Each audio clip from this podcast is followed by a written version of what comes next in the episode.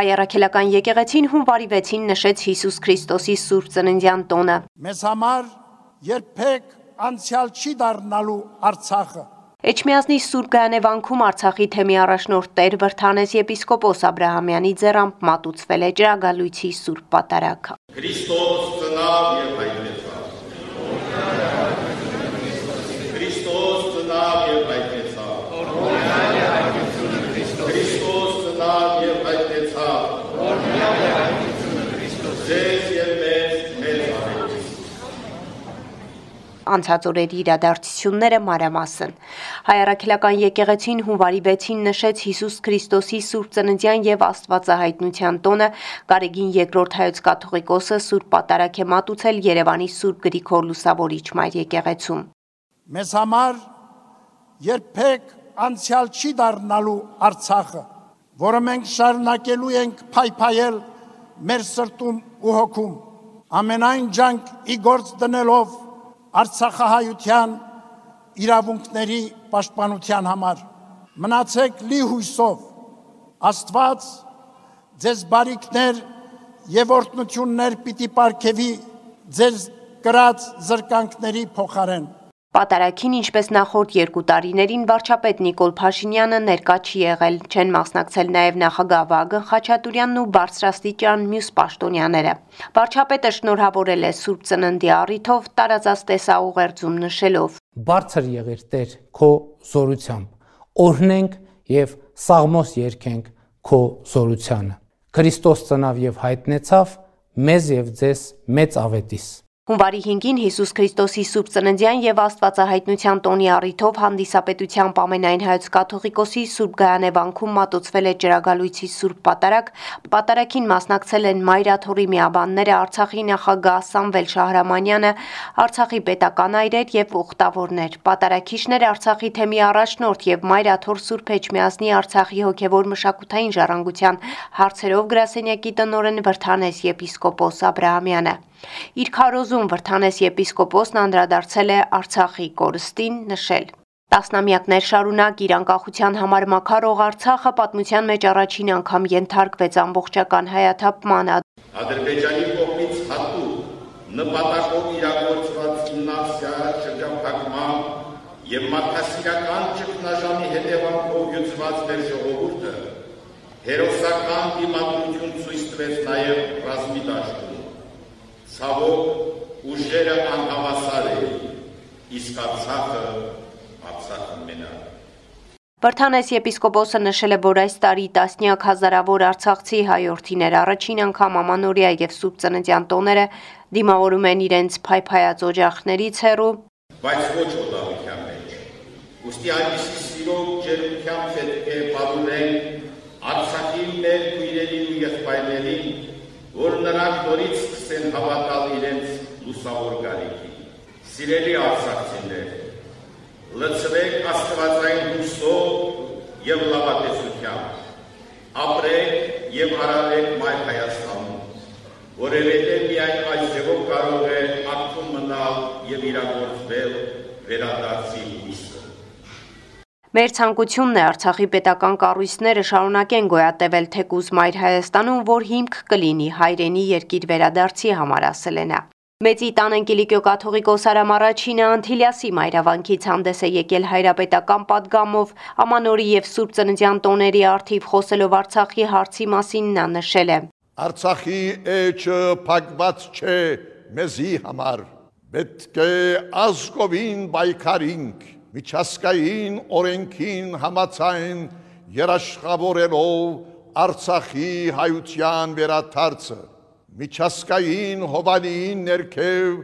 ապահովելով Արցախի հայության ինքնորոշման իրավունքը Արամ առաջինը խոսել է նաև Արցախը լուծարելու հրամանագրի մասին Գողջունենք Արցախի հանրապետության լուծարման հրամանակրի չեղյալ նկատումը։ Եժամանակ հրամայական կնկատենք, որ Արցախի պետական գառույցները շարունակեն քոյադեվել եւ մանավանդ Արցախի ժողովուրդը չթարնա սպյուրք, այլ համախումբ ու գազմագերբ ներգայություն Հայաստանի մեջ։ Հայաստանի իշխանությունները պետք է նկատի ունենան հայրենի ժողովրդի թե սփյուռքի տեսակետները երկրի համար կարևորություն ներկայացնող խնդիրների նկատմամբ։ Գործընծուցինք Արցախը, հայրենիքի այս կարևոր հողատարածքը, ըզգուշ, հազար անգամ ըզգուշ ժողովուրդ հայոց, գրնանք գործընծնել նոր տարածքներ նաև Հայաստանեն։ Նոր ռազմավարություն պետք է մշակի նաև Սփյուռքը, ասել է Արամ առաջին կաթողիկոսը։ Հաջորդական բادرազներու բարդուտենեն Արցախի բռնակրավում են եւ ներկա իշխանության գոմե արնված ռազմակաղաքական քայլերեն հուսախապ դարձած սպյուրքը իրավունք չունի լուր մնալու աննախադեսելի վտանգներով լեցուն ներգա անորոշ կացության թիմաց Ոչալ Հայաստանը իրավունք ունի անդեսելու ըսպյուրքը իր լայն գարելիություններով և ամուր կարողականությամբ ըսպյուրքը ռազմավարական կորձնգեր է Հայաստանին, հետևապար անչի գրնար սոսկ հագաստողի թերին մեջ ըլլալ, ըսելիքի գողքիմ,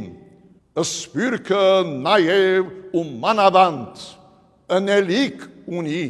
Հայաստանի եւ Ադրբեջանի արտաքին գործերի նախարարների հանդիպման մասին կհայտարարվի, երբ օրը որոշված լինի, ասել է Միացյալ Նահանգների պետդեպարտամենտի խոսնակ Մեթյու Միլերը հունվարի 4-ին լրագրողների հետ հանդիպմանը։ Դիտարկմանը, որ Մոսկվան օտար կառավարություններին հորդորել է չխառնվել հայ-ադրբեջանական գործընթացի, Միլերը պատասխանել է. Ռուսաստանը որևէ կերպ մեզ չի խանգարում իրականացնելու դիվանագիտական կարևոր այն ջանքերը, որոնք մեր կարծիքով անհրաժեշտ են Հայաստանի եւ Ադրբեջանին եւ մենք կշարունակենք հետ հետամուտ լինել դրանց, ասել է նա։ Հայաստանի անվտանգության խորհրդի ղեկավար Արմեն Գրիգորյանը տեղեկացրել է, որ հունվարի 4-ին հայկական կողմը պատասխանել է խաղաղության պայմանագրի վերաբերյալ ադրբեջանական կողմի առաջարկներին։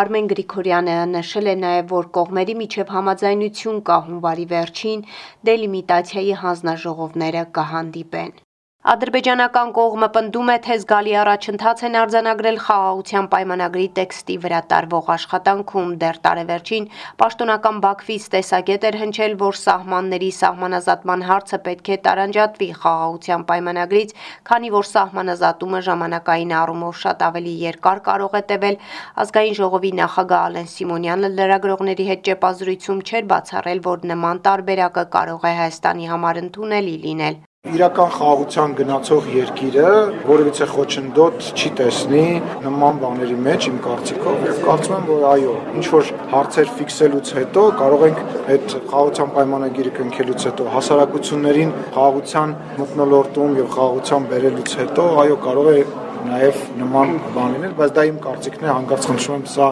ընդհանրական կարծիք չհամար։ Երևանի պաշտոնական դիրքորոշումն այն է, որ խաղաղության պայմանագրի անկյունակարը պետք է լինի երկու երկրների միջև սահմանագծի ամրագրումը ԽՍՀՄ 1975 թվականի քարտեզներով ավելի վաղ այդ մասին լրագրողների հետ զրույցում հայտարարել էր արտաքին գործերի փոխնախարար Վահան Կոստանյանը։ Մեզ համար շարունակում է շատ սկզբունքային մնալ սահմանագծի հստակեցման հարցը։ Կարևոր հարցերից է մնում նաև ապաշրջափակման գործընթացի 4 սկզբունքների արձանագրումը, որոնք նաև արձանագրված են Կանադայի հայտարարության մեջ։ Կարևոր է լինելու նաև վեճերի կարգավորման հստակ մեխանիզմի ստեղծումը։ Սրանք այն հարցերն են, որոնց շուրջ դեռևս պիտի երկու կողմերը մոտեցնեն իրենց դիրքորոշումները։ Երուսաղեմի հայկական թաղամասի ղեկավարությունը խորը մտահոգություն է հայտնել, որ Իսրայելի կառավարությունն օգտագործում է Գազայի հակամարտությունը հայկական թաղամասից բազմաթիվ հայ քրիստոնյաների դուրս մղելու համար։ Միացյալ Նահանգների պետդեպարտամենտի պաշտոնական ներկայացիչ Մեթյու Միլերին ճեպազրույցում հարց է ուղղվել, թե ինչպես կարող է արձագանքել այդ մտահոգություններին։ Այս հարցին կոնկրետ պատասխան չկա, բայց ինչպես մենք բազմիցս հայտարարել ենք, չենք ցանկանում, որ Իսրայելի կառավարությունը որևէ քայլ ձեռնարկի, որը կարող է սրել լարվածությունը, ասել է Մեթյու Միլլերը։ Դեկտեմբերի 28-ին ավելի քան 30 զինված անձինք ներխուժել էին Կովերի պարտեզ տարածք եւ բռնություն գործադրել, ինչի հետևանքով վիրավորվել էին հայ առաքելական եկեղեցու պատրիարքարանի հոգեվորականներ եւ տեղի հայ համայնքի ներկայացուցիչներ։ Այսքանը անցած շաբաթվա իրադարձությունների մասին հաղորդումն ամփոփեց Գիտալի Բեկյանը։